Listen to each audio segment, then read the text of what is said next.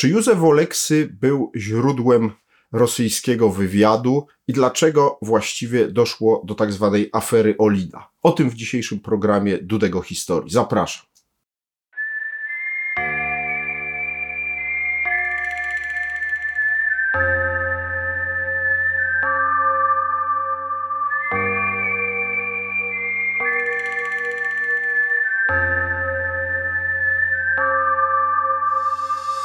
W grudniu 1995 roku Polska żyła świeżo rozstrzygniętymi wyborami prezydenckimi. Oto po bardzo ostrej e, walce Lech Wałęsa przegrał e, pod koniec listopada drugą turę wyborów prezydenckich e, z Aleksandrem Kwaśniewskim. Ale zanim doszło do zaprzysiężenia prezydenta elekta, te emocje związane z wyborem Kwaśniewskiego na nowego prezydenta przesłoniła afera związana z oskarżeniem urzędującego wówczas premiera Józefa Oleksego z Sojuszu Lewicy Demokratycznej o to, że jest rosyjskim szpiegiem. Z oskarżeniem tego rodzaju wystąpił nie byle kto, bo minister e, spraw wewnętrznych w rządzie Józefa Oleksego, Andrzej Milczanowski. Dodajmy, Milczanowski nie miał żadnych związków politycznych z SLD ani z PSL-em, które współtworzyły koalicję e, rządzącą Polską od roku 93.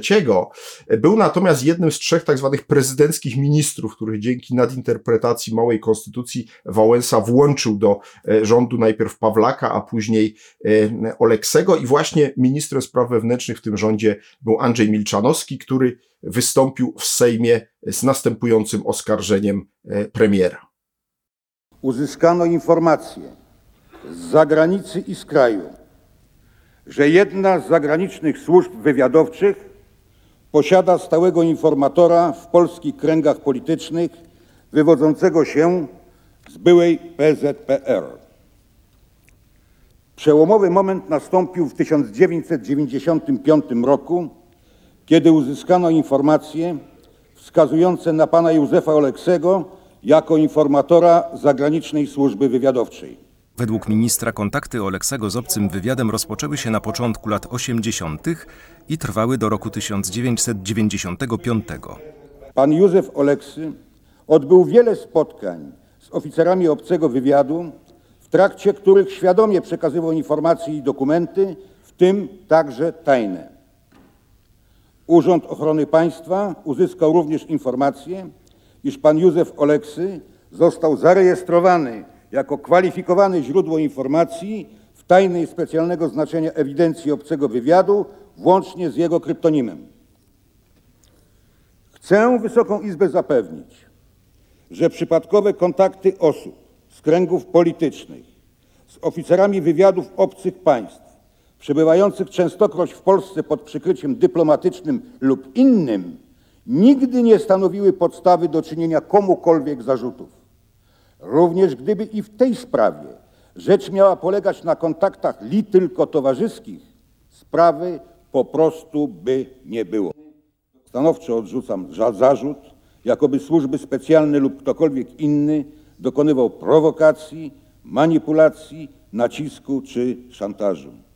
Jedynym celem zarówno służb specjalnych, jak też moim było jest i pozostaje ustalenie rzeczywistego stanu rzeczy.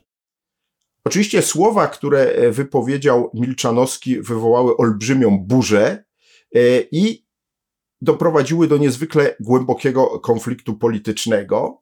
E, ale zacznijmy od e, tego właściwie skąd się wzięło to oskarżenie Andrzeja Milczanowskiego. Otóż y, kilkanaście miesięcy wcześniej wysoki funkcjonariusz zarządu wywiadu Urzędu Ochrony Państwa, Marian Zacharski, znany zresztą wcześniej z swojej akcji szpiegowskiej e, na przełomie lat 70. i 80. w Stanach Zjednoczonych. E, była to w istocie że największy sukces perelowskiego wywiadu, za który Zacharski, za zdobycie informacji o potencjalnie obronnym Stanów Zjednoczonych, Zacharski został zatrzymany przez FBI, skazany na karę wieloletniego więzienia, ale po kilku latach wymieniono go na amerykańskich szpiegów i wrócił do Polski przeszedł pozytywnie weryfikację y, i y, y, był oficerem zarządu wywiadu UOP. Tu zresztą być może kryje się jeden z możliwości wyjaśnienia tej historii. Mianowicie, jak wiadomo, likwidowana służba bezpieczeństwa e, e, w roku 90, przekształcana w Urząd Ochrony Państwa, przeszła weryfikację i funkcjonariusze przeszli weryfikację, ale właściwie jeden segment służby bezpieczeństwa e, przeszedł niemal w całości do zarządu wywiadu UOP-u i to był Departament Pierwszy MSW, czyli właśnie wywiad. Tak się stało, co ciekawe, na wyraźną sugestię strony amerykańskiej i środowisko wywiadu PRL-owskiego właściwie zdominowało niemal całkowicie e, zarząd wywiadu Urzędu Ochrony Państwa, ale to nie znaczy, że pozostało jednolite. Kiedy Lech Wałęsa został prezydentem, wydaje się, że w tym środowisku doszło do pewnego pęknięcia na tych, którzy pozostali przy dawnych sympatiach e, politycznych i dalej wspierali e, kontynuatorkę PZPR, czyli Socjaldemokrację Rzeczpospolitej Polskiej, czyli obóz postkomunistyczny, ale była też grupa oficerów, która zaczęła się orientować na prezydenta prezydenta. I wydaje się, że właśnie do tej grupy niewątpliwie należał e, Marian Zacharski. E, I to było jedną z prób wytłumaczenia później, e, o czym za moment, genezy afery Oleksego. Ale wróćmy do relacji samego Zacharskiego. Otóż twierdzi on, że na pewnym etapie udało mu się pozyskać od wysokiego e, rangą dyplomaty rosyjskiego, a zarazem oczywiście, jak się nie trudno domyśleć, oficera e, rosyjskiego wywiadu Grigoria Jakimiszyna informację, że jeden z wysokich urzędników państwa polskiego jest jest źródłem wywiadu rosyjskiego. Zacharski zaczął tą sprawę drążyć, wyjaśniać i E, z informacji, które mu się udało od Jakimiszyna e, wyciągnąć, e, ostatecznie uznał, że tym wysokim oficerem, znaczy wysokim funkcjonariuszem aparatu państwowego jest ówczesny marszałek Sejmu Józef Oleksy. I rozpoczęło się śledztwo w tej sprawie. Co ciekawe, na pewnym etapie tego śledztwa doszło do niezwykłej sytuacji, a mianowicie nadzorujący działalność, na działalność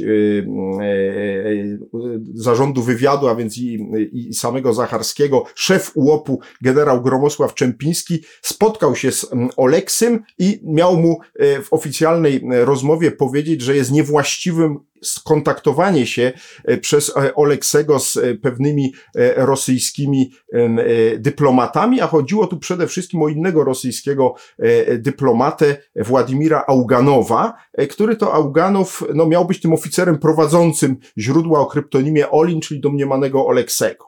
Żeby zdobyć ostateczne dowody na to, że e, Oleksy jest rzeczywiście e, źródłem rosyjskiego wywiadu, Zacharski doprowadził do spotkania z Auganowem, które się odbyło w dość egzotycznym miejscu, mianowicie na Majorce i tam panowie odbyli długą rozmowę, która częściowo została zarejestrowana przez Urząd Ochrony Państwa metodami operacyjnymi, ale ponoć ten magnetofon, którego używał UOP, miał możliwość nagrywania tylko trzech godzin, a Auganow tą kluczową informację miał przekazać dopiero w czwartej godzinie. W każdym razie tego kluczowego potwierdzenia przez Auganowa, jak twierdził Zacharski, które usłyszał na Majorce, nie ma i nie było w dokumentacji, która później była przedmiotem śledztwa prokuratury wojskowej.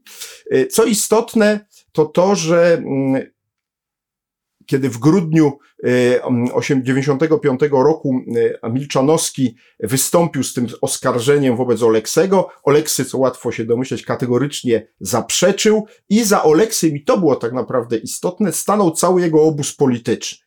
Otóż e, wprawdzie w styczniu 1996 roku Oleksy złożył dymisję ze stanowiska premiera po tym, jak prokuratura wojskowa w Warszawie wszczęła śledztwo w jego sprawie, ale w tym samym czasie został demonstracyjnie wybrany przez swoich kolegów politycznych na przewodniczącego socjaldemokracji Rzeczpospolitej, gdzie zajął miejsce Aleksandra Kwaśniewskiego, który z racji wyboru na urząd prezydenta y, y, oczywiście y, zrezygnował z członkostwa w SDRP. A zatem mieliśmy tu do czynienia z niebywałą demonstracją solidarności wobec Oleksego ze strony jego e, politycznego zaplecza. E, zresztą miało to związek z publikacjami ówczesnej prasy, która sugerowała, że być może Oleksy jako Olin nie był jedynym źródłem e, sowieckim czy rosyjskim później w kierownictwie obozu postkomunistycznego. Jedna z okładek e, tygodnika wprost sugerowała, że mamy do czynienia z rozgałęzioną siatką. Pojawiły się w publikacji tego tygodnika jeszcze dwa inne pseudonimy, Kat i Minim. To mieli być dwaj inni wysocy rangą działacze e, obozu postkomunistycznego, którzy również mieli być w tej siatce e, Auganowa. Jakie były fakty? No, Jakie były fakty w tej sprawie, oczywiście do końca nie wiemy, natomiast natychmiast zaczęto spekulować, że pod pseudonimem Kat e, e, mowa jest o prezydencie urzędującym Aleksandrze Kwaśniewskim, a minimem z kolei miał być e, Leszek Miller. Co łączyło tych trzech ludzi z Auganowem? Jedna oczywista, niebudząca wątpliwości okoliczność. Zarówno Miller, Oleksy, jak i Kwaśniewski na pewnym etapie swojego życia, mianowicie na przełomie lat 80. i 90., mieszkali w tym samym kompleksie budynków w Wilanowie, złaśliwie nazywanym zresztą przez wielu warszawiaków Zatoką Czerwonych Świń, e, i mieszkał tam razem z nimi jako sąsiad Władimir Auganow. I właśnie Oleksy którego oczywiście proszono o to, żeby się z tej sprawy wytłumaczył, powiedział, że to był sąsiad z osiedla, z nim się wszyscy spotykali, w tym i ja się spotykałem, no ale to była czysto towarzyska znajomość, z tego nic nie wynika i nie ma żadnych dowodów. W jednym z wywiadów Oleksy powiedział, no, że Auganow był jego przyjacielem, a ten przyjaciel okazał się świnią. I to jest, myślę, ciekawy trop do próby zrozumienia tego. A zatem jak w ogóle po latach tłumaczył e, e, tą całą sprawę, to oskarżenie pod swoim adresem Józef Oleksym, o tym e, sam sam opowiedział w 2008 roku w następujący sposób. Dlaczego?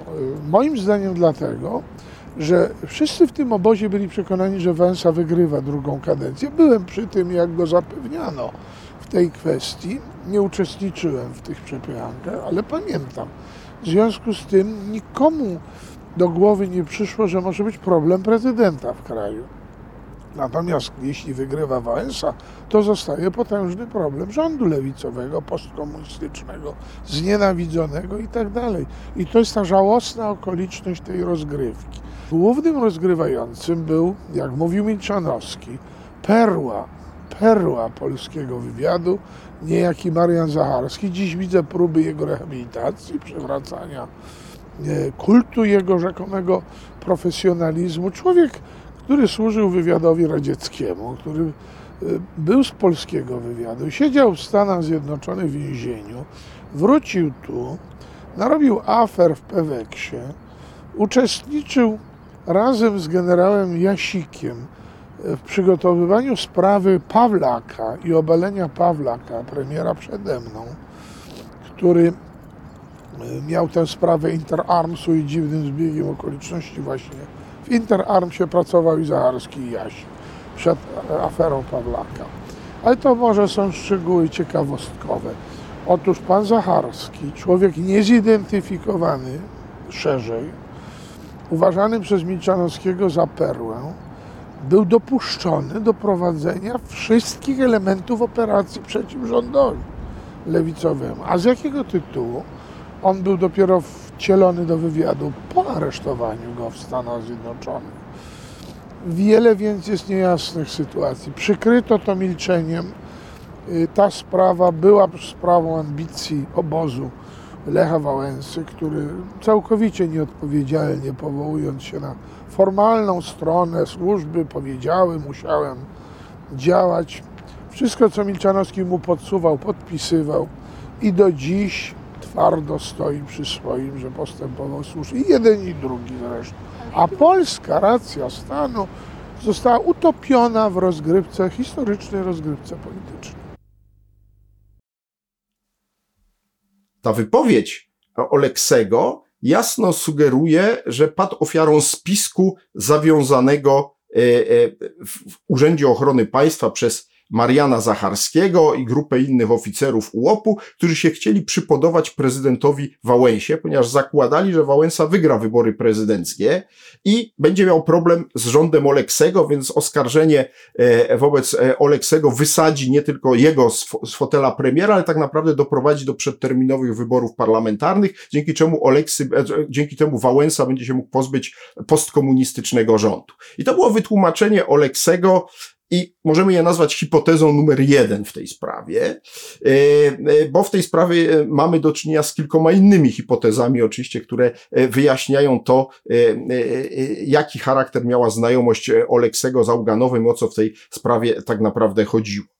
E, a zatem, jeśli hipotezę numer jeden uznamy za niewiarygodną, a mało kto poza e, Oleksym i jego najbliższymi zwolennikami, nawet w e, socjaldemokracji Rzeczpospolitej, w SLD później uważał to za w pełni przekonujące i wyjaśnienie tej sprawy, to jeśli uznamy, że Oleksy nie padł ofiarą spisku funkcjonariuszy Urzędu Ochrony Państwa, to w takim razie jak inaczej e, ta sprawa mogła wyglądać. I tu się pojawia hipoteza numer dwa, która była od początku bardzo poważnie rozpatrywana, a mianowicie, że mieliśmy do czynienia z operacją dezinformacyjną ze strony e, rosyjskiego wywiadu i ofiarą tej dezinformacji padł oczywiście Marian Zacharski, któremu ów Jakimiszyn, o którego wcześniej wspominałem, w istocie rzeczy celowo przekazał przeciek sugerujący, że Oleksy jest E, źródłem e, rosyjskiego wywiadu. Po co? Ano, trzeba pamiętać o momencie, w którym dzieje się cała ta sprawa. Otóż koniec roku 95 to jest moment, w którym starania Polski o członkostwo w Pakcie Północnoatlantyckim są już bardzo zaawansowane. Nie ma jeszcze ostatecznych decyzji, które miały zapaść oczywiście w tej sprawie przede wszystkim w Waszyngtonie. Natomiast ważą się te losy. I teraz nagle pokazanie, że premier rządu kraju, który się stara do, e, o członkostwo w NATO, jest rosyjskim agentem, w oczywisty sposób kompromituje nie tylko tą osobę, ale e, i to państwo. A zatem hipoteza numer dwa zakłada, że e, w istocie rzeczy próbowano przekonać Amerykanów wywołując tą aferę do tego, żeby jednak nie rozszerzali NATO na wschód, nie przyjmowali Polski. E, czy tak było, tego oczywiście również nie wiemy. To, co jest istotne, to to, że e, nie zapobiegło to, jak wiemy, cała afera Oleksego nie zapobiegła e, przyjęciu Polski do NATO, a zatem można przyjąć, że Amerykanie, nawet jeśli mieli wątpliwości co do tego, jaki charakter miała znajomość Oleksego z Auganowem, i tak uznali, że nie ma to e, większego znaczenia w tym procesie integracji e, Polski z Paktem Północnoatlantyckim, co nastąpiło ostatecznie, jak wiemy, w roku 99. Następnego dnia po wystąpieniu Milczanowskiego Sejm powołał nadzwyczajną komisję do zbadania zgodności z prawem działania organów państwa w sprawie Józefa Oleksego. Zadaniem komisji nie było wydanie wyroku w sprawie Oleksego, ale stwierdzenie, czy podczas zbierania dowodów funkcjonariusze Urzędu Ochrony Państwa nie złamali przewidzianych prawem procedur. W dwunastoosobowej komisji siedmiu jej członków pochodziło z rządzących partii SLD i PSL. Komisja mogła zapoznać się z dokumentami przekazanymi do prokuratury wojskowej i materiałami operacyjnymi Urzędu Ochrony Państwa. Aby otrzymać pełny obraz sytuacji, przesłuchała wielu świadków. Stawili się przed nią Józef Oleksy, Andrzej Milczanowski, Marian Zacharski, kolejni szefowie UOP Jerzy Konieczny, Gromosław Czempiński oraz były szef kontrwywiadu Konstanty Miodowicz. Komisja pracowała przez cały rok 1996 ale niczego nie wyjaśniła w sposób definitywny. Nie powiodła się także podjęta przez SLD próba postawienia Milczanowskiego przed Trybunałem Stanu. Wreszcie hipoteza numer trzy. E, hipoteza numer trzy zakłada, e, i ona można powiedzieć od początku była rozważana, ale wzmocnienie uzyskała dopiero e, kilka lat później, kiedy Oleksy stał się bohaterem innego skandalu. Mianowicie została nagrana, a później przedostała się do mediów rozmowa, jaką odbył z jednym z polskich oligarchów, Aleksandrem Gudzowatym, przy mocno zakrapianej kolacji, Oleksy dzielił się tam swoimi różnymi obserwacjami, informacjami, głównie dotyczącymi swoich kolegów politycznych, e, przywódców lewicy, a więc prezydenta Kwaśniewskiego, e, Jerzego Szmajgińskiego, Leszka Millera, i mówił o nich rzeczy y, y, także dotyczące ich życia osobistego i statusu majątkowego. Z tego zresztą, co mówił o, na temat Aleksandra Kwaśniewskiego i jego domniemanej willi y, w Kazimierzu, wzięła się późniejsza operacja CBA. Kupili przed chwilą w Kazimierzu ten farem z góry owija się Wołka.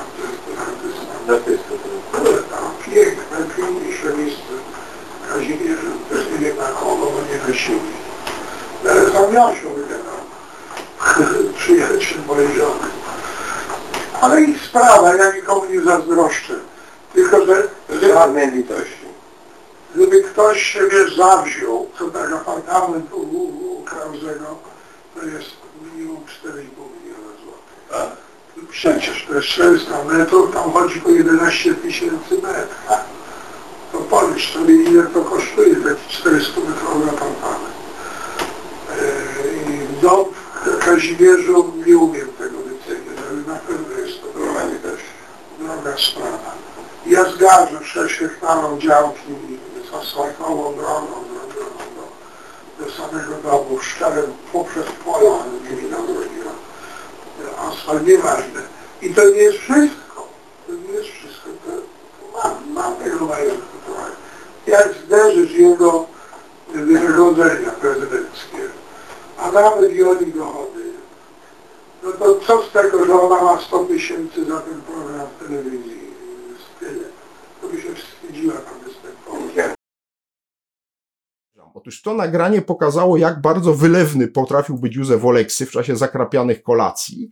Można sobie zatem wyobrazić, że ponieważ sam przyznał się do tego, że biesiadował wielokrotnie z Auganowem, że Auganow rzeczywiście po prostu wykorzystał Oleksego jako źródło e, i nadał mu kryptonim Olin, po czym pisał raporty z każdego takiego spotkania z Oleksym, a Oleksy nie do końca e, e, zdawał sobie sprawę e, z tego, że w istocie rzeczy e, e, udziela e, wsparcia e, rosyjskiemu e, wywiadowi. No ale tu się pojawia problem.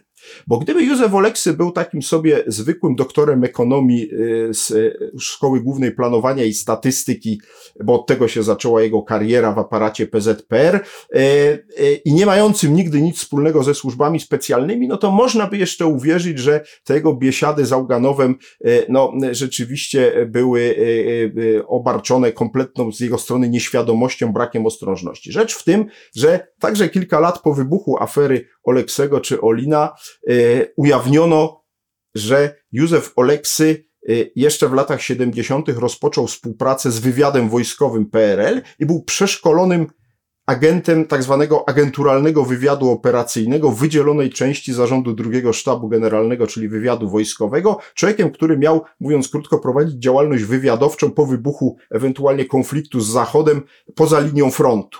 E, Czyli inaczej mówiąc, e, Oleksy był znakomicie przeszkolonym e, współpracownikiem służb specjalnych, a zatem trudno uwierzyć, że mógł sobie tak biesiadować zupełnie nieświadomie z Auganowem. Czy zatem w tej sprawie jest jakieś ostateczne wyjaśnienie? W moim przekonaniu nie ma. I nie będzie tak długo, jak długo e, archiwa e, e, tajnych służb wywiadu rosyjskiego pozostaną tajne, a nic nie zapowiada, żeby dające się przewidzieć przyszłości uległy odtajnieniu, bo dopiero patrząc na tamte archiwa moglibyśmy próbować ocenić, czy rzeczywiście Oleksy był świadomym e, współpracownikiem e, rosyjskiego wywiadu o kryptonimie Olin. Ale dla nas ważniejsze są konsekwencje polityczne e, tej sprawy. Otóż po pierwsze, na szczęście nie zapobiegła ona wejściu Polski do NATO, natomiast doprowadziła oczywiście do zawirowań wewnątrz obozu rządzącego wówczas. Ostatecznie nowym premierem został e, polityk związany z SLD e, Włodzimierz Cimoszewicz, e, który został premierem e, e, w miejsce Józefa Oleksego, ale ta sprawa zaciążyła no, bardzo mocno na karierze Oleksego i mimo, że jak mówiłem wcześniej został przewodniczącym SDRP, to nie cieszył się długo tym fotelem.